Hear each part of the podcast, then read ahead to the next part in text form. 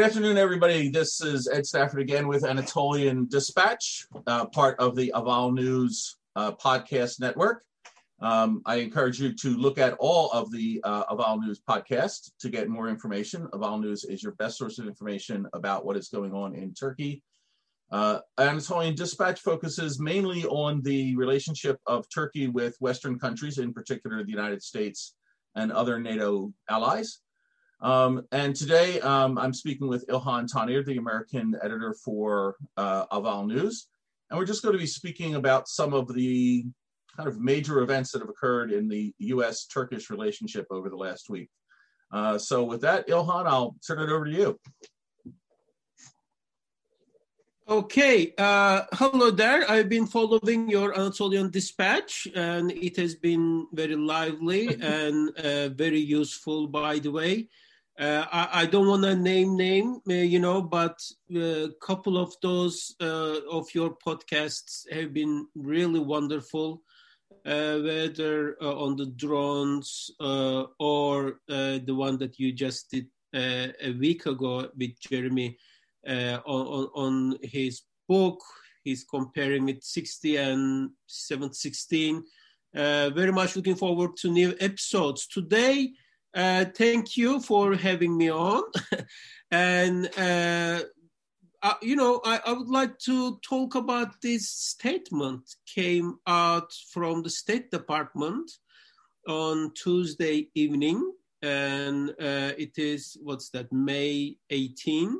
Right. And, uh, you know, it was pretty uh, harsh. I mean, basically, the US administration uh, calls Erdogan anti-Semite.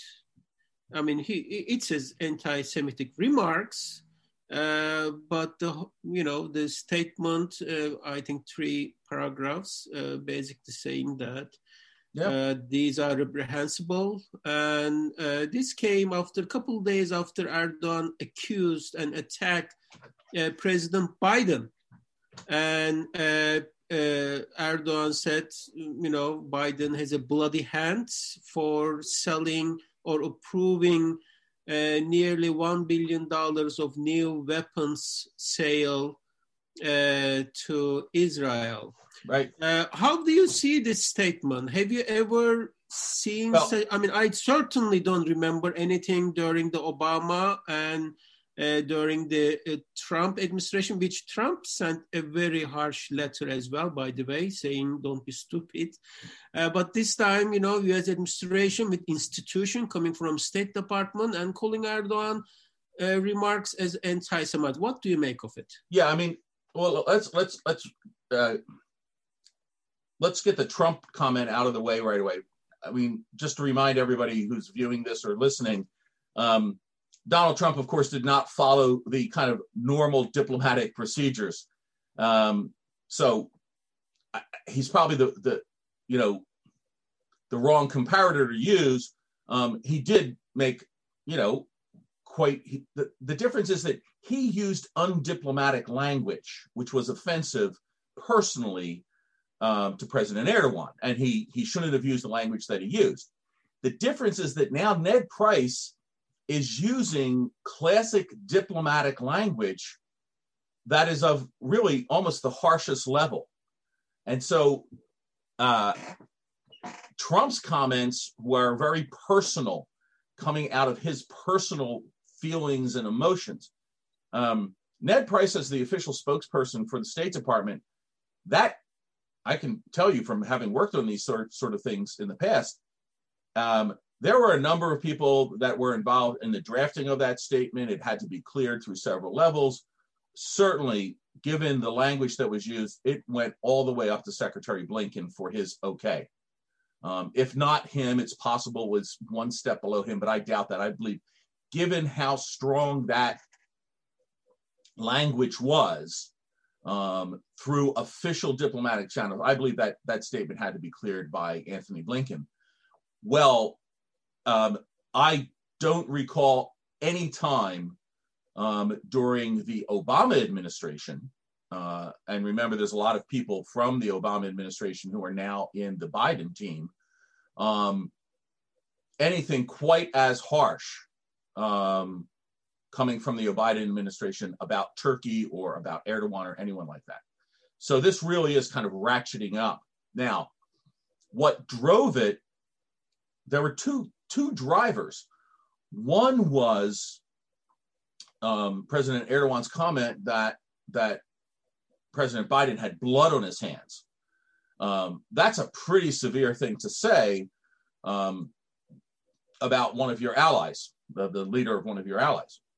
Um, the other part was he he used some language which, um, within the context of relations with uh, the Jewish people um, and the history in the 20th century, um, is seen as dehumanizing and preparing for, um, you know, aggressive action against people simply because they're Jews. And you know, um, there are a couple comments, specific comments about, you know, sucking blood. Um, he he brought up this story uh, again about Ariel Sharon having said that uh, he he got no more enjoyment out of life than killing Palestinians. So it's not clear whether it was one or the other. I would say it was actually both. I mean, clearly, the, these kind of anti-Jewish statements about blood sucking, and, and there's a history of using that terminology, which is really negative. And then the other one of of saying that Biden has blood on his hands.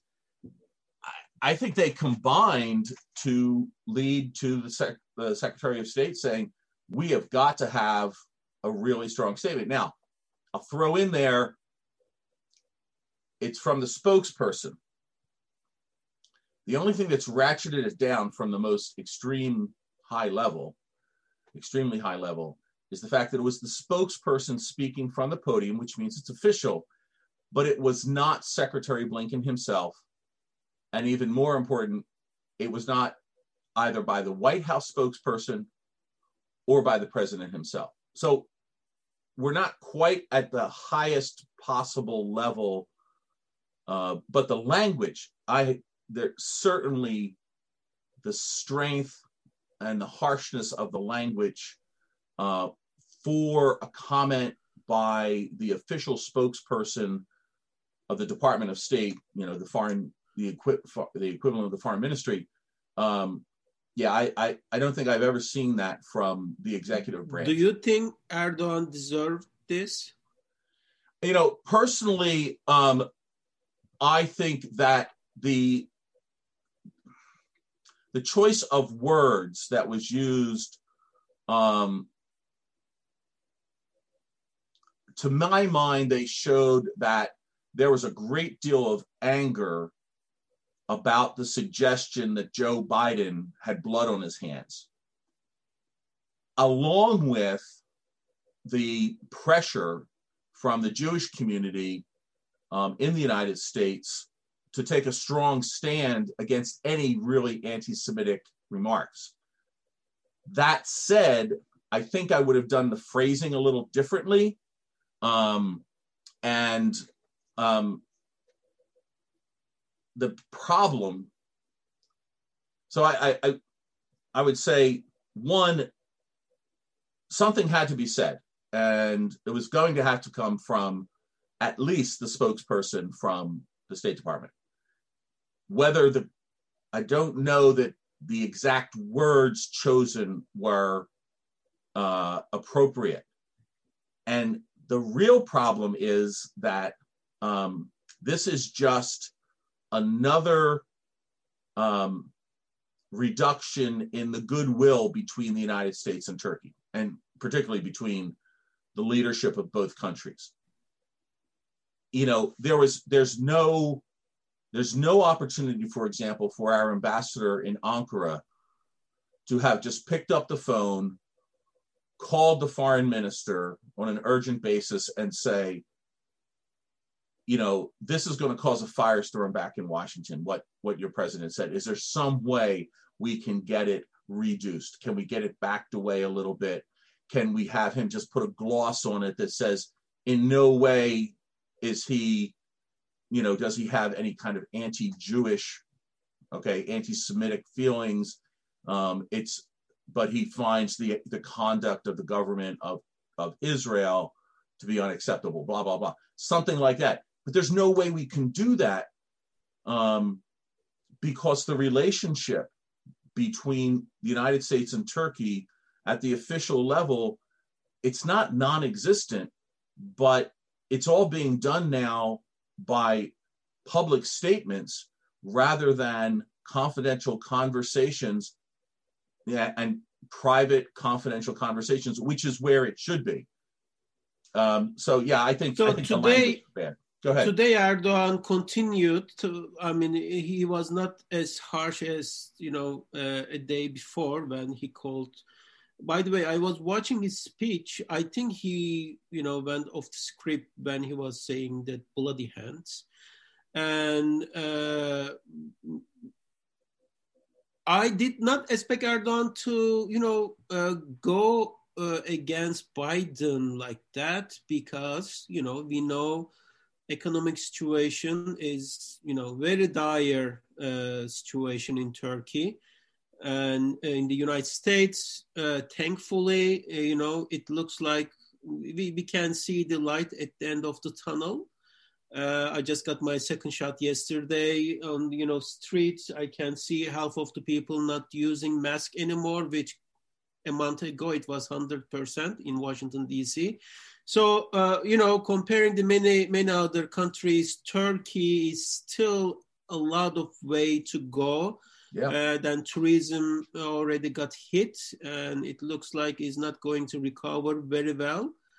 Uh, so you know taking into consideration all those things i did not expect erdogan to and today we are looking at the turkish lira again going down uh, you know dollar is uh, I, I, just don't know what is erdogan's uh, end game uh, if you know do you think here is my question do you think he expects something a fundamental, you know, some, some change, fundamentally changing with the Gaza conflict? Is this what he's angling for? Well, I mean, you know, the number of times that that Hamas in Gaza has launched rockets into um, Israel to generate a, a response and therefore generate sympathy for the Palestinians in Gaza, which is, of course, what Hamas is doing. Um, you know, that's been repeated, and I don't think it's going to end with whatever happens, you know, the end game of, of this particular outbreak of violence between the two parties, between Israel and Hamas. Um, I'm not sure that um, President Erdogan has a specific end game in mind right now. Um, that that is real transformational. Um, the the harsh reality is that in terms of military technology and capacity um, and capabilities, Israel is always going to win in these confrontations. The Iron Dome missile defense system gives them great advantages, and even though they will suffer some casualties, they will be able to relatively freely um, bring a harsh military response upon Hamas. But Hamas is not going to go away. I mean, you know, they can destroy many of the tunnels, they can destroy many of the buildings that support the command and control structure of the Hamas military, blah, blah, blah. But, you know, the problem is still going to remain. You're still going to have Gaza. So um, I can't imagine that he thinks that um, that he would be able to drive the U.S. Um, away from being supportive of Israel. Um, that won't happen. Um, domestic politics will not allow that. Um, this, is a, this is a good segue to move to my sec- another question. I'm wondering, uh, you, you, know, uh, the former President Trump was very strongly uh, backed uh, Israel and mm-hmm. Prime Minister Netanyahu, and you know uh, also backed moving to capital or recognizing a capital. And uh, you know uh, we know that story. It was a hundred percent. But now uh, I'd say even Trump was more pro-Israel than the you know Israeli uh, politicians. But now we are looking at a new administration. What do you see? We we we have seen uh, some remarks coming from some of the uh, Democrat uh, Congresswoman and uh, Congress people uh, right. condemn not condemning but you know attacking the biden administration for not doing more to first of all uh, uh, bring the ceasefire uh, put more pressure on netanyahu government and the human rights and then you know all that and uh, how, how, do you see uh, biden administration so far handling the conflict and uh, you know one more question. Also there is this uh, congresswoman rashida taiba i think taliba. Uh, uh there was a very interesting uh, conversation or not conversation but uh, interaction between the president biden and herself at yeah. on a tarmac yesterday. Can you touch that yeah, I mean, a little bit? you know um, everyone needs to keep in mind that um, in most European countries, Turkey included, um, you form your coalition governments, you form your coalitions to govern after the elections. In the United States, we form coalitions to govern before the election. And then the job is to keep the coalition together once you're in office. Um, the fighting in in between Hamas and Israel is is causing real tensions in the coalition.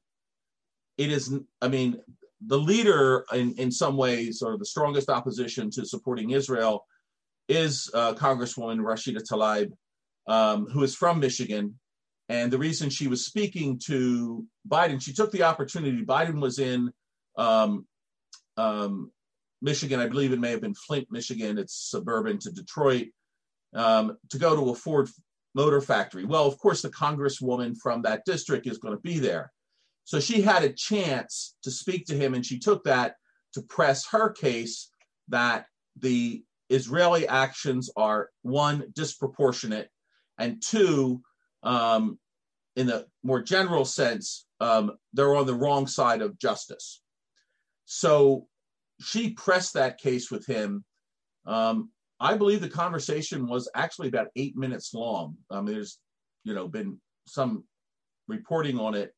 Um, and, you know, but within the Democratic Party, there are also people who are devoted friends of Israel. And their interpretation is that Hamas started this because it wanted to generate um, antipathy towards Israel um, and they're seeing it as the manipulation of Biden and his team. Now, it's now being reported that Biden is pressing Netanyahu for a dramatic de escalation. Well, Netanyahu is not going to de escalate um, because he knows that if if it became very difficult for Israel, if, say, for example, not only Hamas, but Hezbollah from Lebanon started throwing, uh, lobbing lots of missiles into Israel.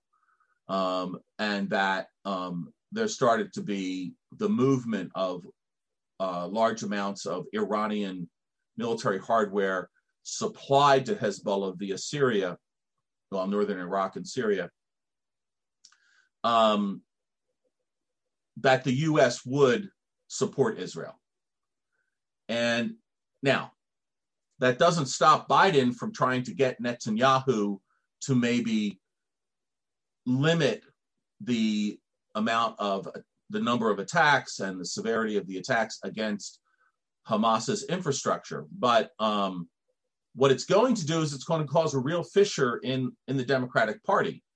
Um, the members of this thing that's called the Squad, which is some um, kind of the most left wing members of the Democratic Party. Rashida Tlaib is part of that. Um, the other people in it are um, um, Alexandria Ocasio Cortez and um, um, Ilhan Omar, uh, who is from Minnesota, um, Somali American.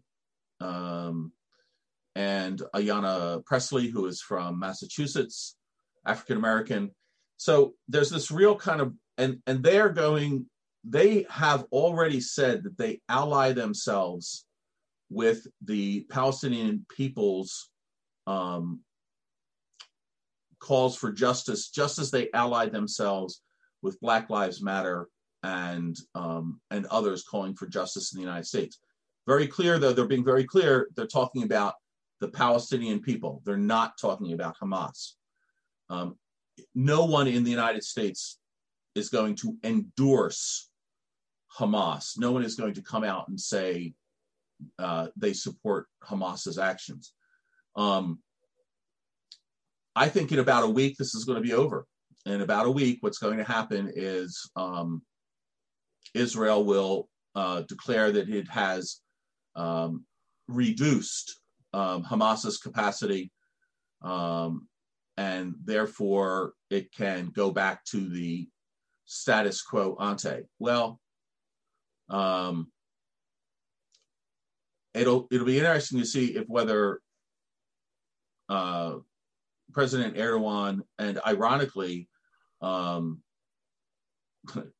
on the, is going to be on the same page as the Iranians um, to not let that happen. Um, clearly, so the refle- reflection of the Turkish-U.S. relations, uh, uh, obviously Erdogan has been the probably the you know the biggest backer of Hamas along with uh, Iranian uh, regime. And uh, you know, one thing that yesterday uh, White House spokesperson Jen Psaki was saying that either yesterday or two days ago, so far the U.S. Uh, government uh, has made talks or phone calls with over 60 foreign leaders to talk about Palestine or Gaza and you know a conflict, right. and there is no Erdogan uh, you know, US, uh, whether the Secretary of Defense, you know, Secretary of State, and the White House, and then uh, National Security Advisor Sullivan, they've been all talking to different officials from Denmark to Pakistan to Morocco to Kuwait, Bahrain, like you know, anyone in the region, which I don't need to mention Egypt or Saudis, obviously they've been talking several times with those countries, and no call went to Ankara. And Ankara is claiming that uh, Turkish foreign minister twice said, not once, twice said that Ummah, which is the you know Muslims around the world, have high expectations from Ankara to do something about the Gaza.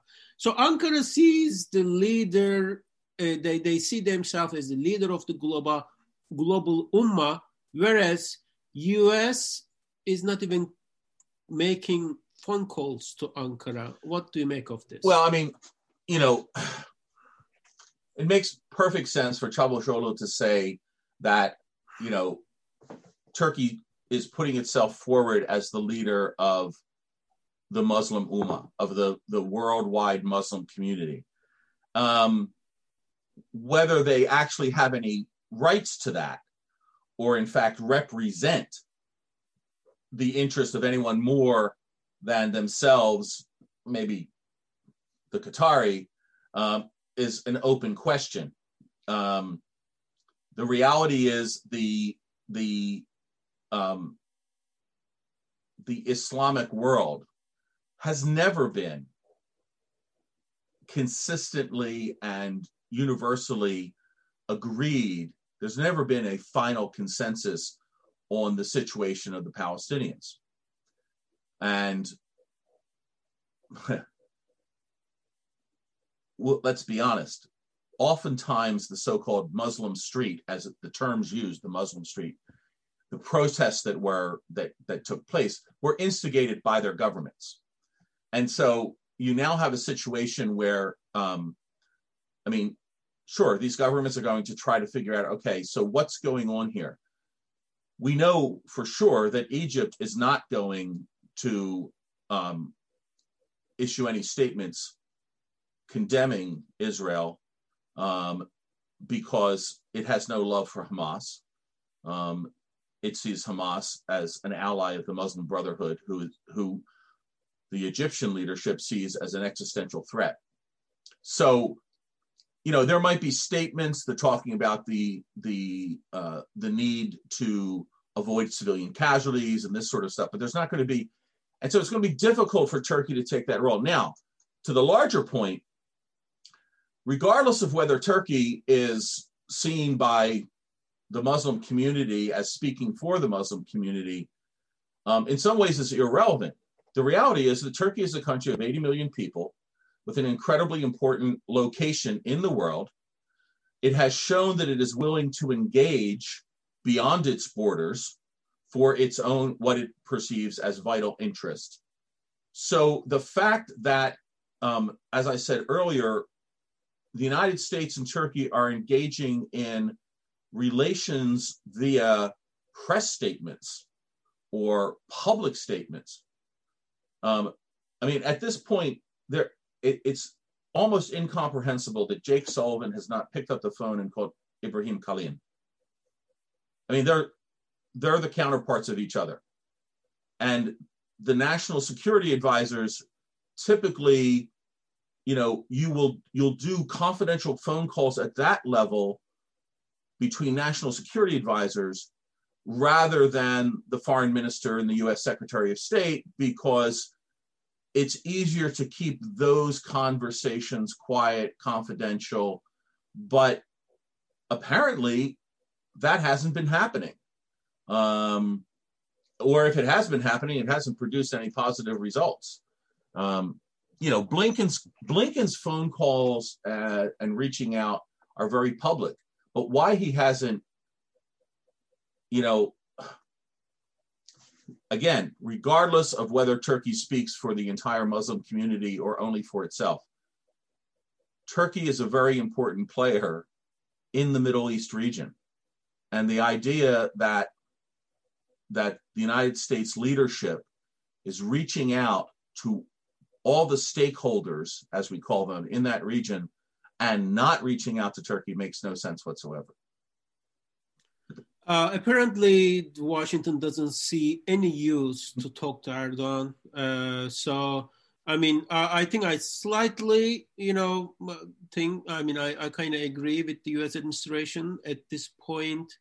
Uh, talking to Erdogan, I, I, don't know what kind of a use uh, it looks like Erdogan burned a lot of bridges uh, with Washington for years, and now uh, he's attacking Biden with bloody hands, while he's you know he has an empty treasury, uh, central bank is tank, you know. Uh, so he, I mean, well, we'll see uh, I don't know uh, how what kind of uh, you know relationship going forward uh, we are going to see between the countries. There is a bilateral meeting scheduled in June uh, in Brussels during the NATO summit. Uh, I'm very much looking forward to that meeting, and we still haven't seen the final ruling from the. for the Halkbank case, it's right. still at the New York and it's taking you know six weeks. It's very interesting that they still haven't been able to rule on the case whether uh, the go ahead with the case or you know accept Halkbank's uh, uh, and then uh, you know uh, reject the case. And then Halkbank will be obviously very happy I don't know if you have uh, if you have any other remarks to finish this conversation. Well, no, I mean, I, I would just I would just say that that um, part of the reason that this this as difficult as it might be to maintain the conversation, um, you know, diplomacy sometimes means having difficult and hard conversations with people with whom you disagree, but it's in the interest of your country to maintain those lines of communication. And I would argue that the United States should be maintaining its lines of communication. Fine. It might not be President Erdogan talking to President Biden, and it might not be Foreign Minister Cavusoglu talking to, to um, Secretary Blinken. But um, the national security advisors or, you know, uh, our ambassador in Ankara meeting with people at the foreign ministry and the Turkish ambassador in the United States meeting with people in the, in the, the State Department. That has to go on if, because at some point, at some point, as you mentioned, June, there's going to be some sort of meeting between the president of Turkey and the president of the United States. And if it goes poorly because it, no one was able to prepare properly for it with their counterparts from the other country, that's not going to be good for either the interests of the United States or for Turkey. Um, someone, someone's got to. They, they, you really need to keep that in mind. Okay, well, this was a good recap of what has been happening, and uh, we are going to continue, keep monitoring, and we are going to continue following your excellent podcasts. Uh, thanks so uh, much for having me on this sure. week. Yeah, let me uh, put in a plug on. Uh, I'm going to be um, um, discussing with uh, our good friend uh, Chris Kilford, retired Canadian Forces Colonel. Um, we're going to be speaking in a few days and uh, following up on some of the, um, let me just say, wider perspective of NATO members um, about the ongoing relationship with with Turkey. Um, trying to, we're going to try to get into a bit more on the whole Eastern Mediterranean issue. Um, because it does have um, you know one of the things that happens is you you you you focus on a single issue and then but there's all these other things going on turkey is uh, has a number of as we like to say on the stove top it has a number of saucepans that are boiling over mm-hmm. i also okay. would like to hear the latest update uh, on the drone uh, you know export yeah. issue uh, whether there is anything more happening on that right. front because the the previous podcast you did with the Dr. Kilford was very much uh, useful to understand the you know what is that ex, uh, the export ban means for Turkish drones. Uh, I'm curious if there is anything more on that front. Thanks so much. All right, take care. Bye bye.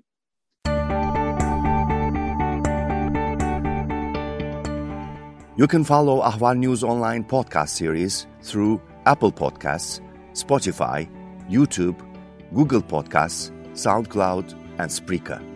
All you need to know about Turkey is here for your ears, mind, and attention. Thank you for listening to our podcast.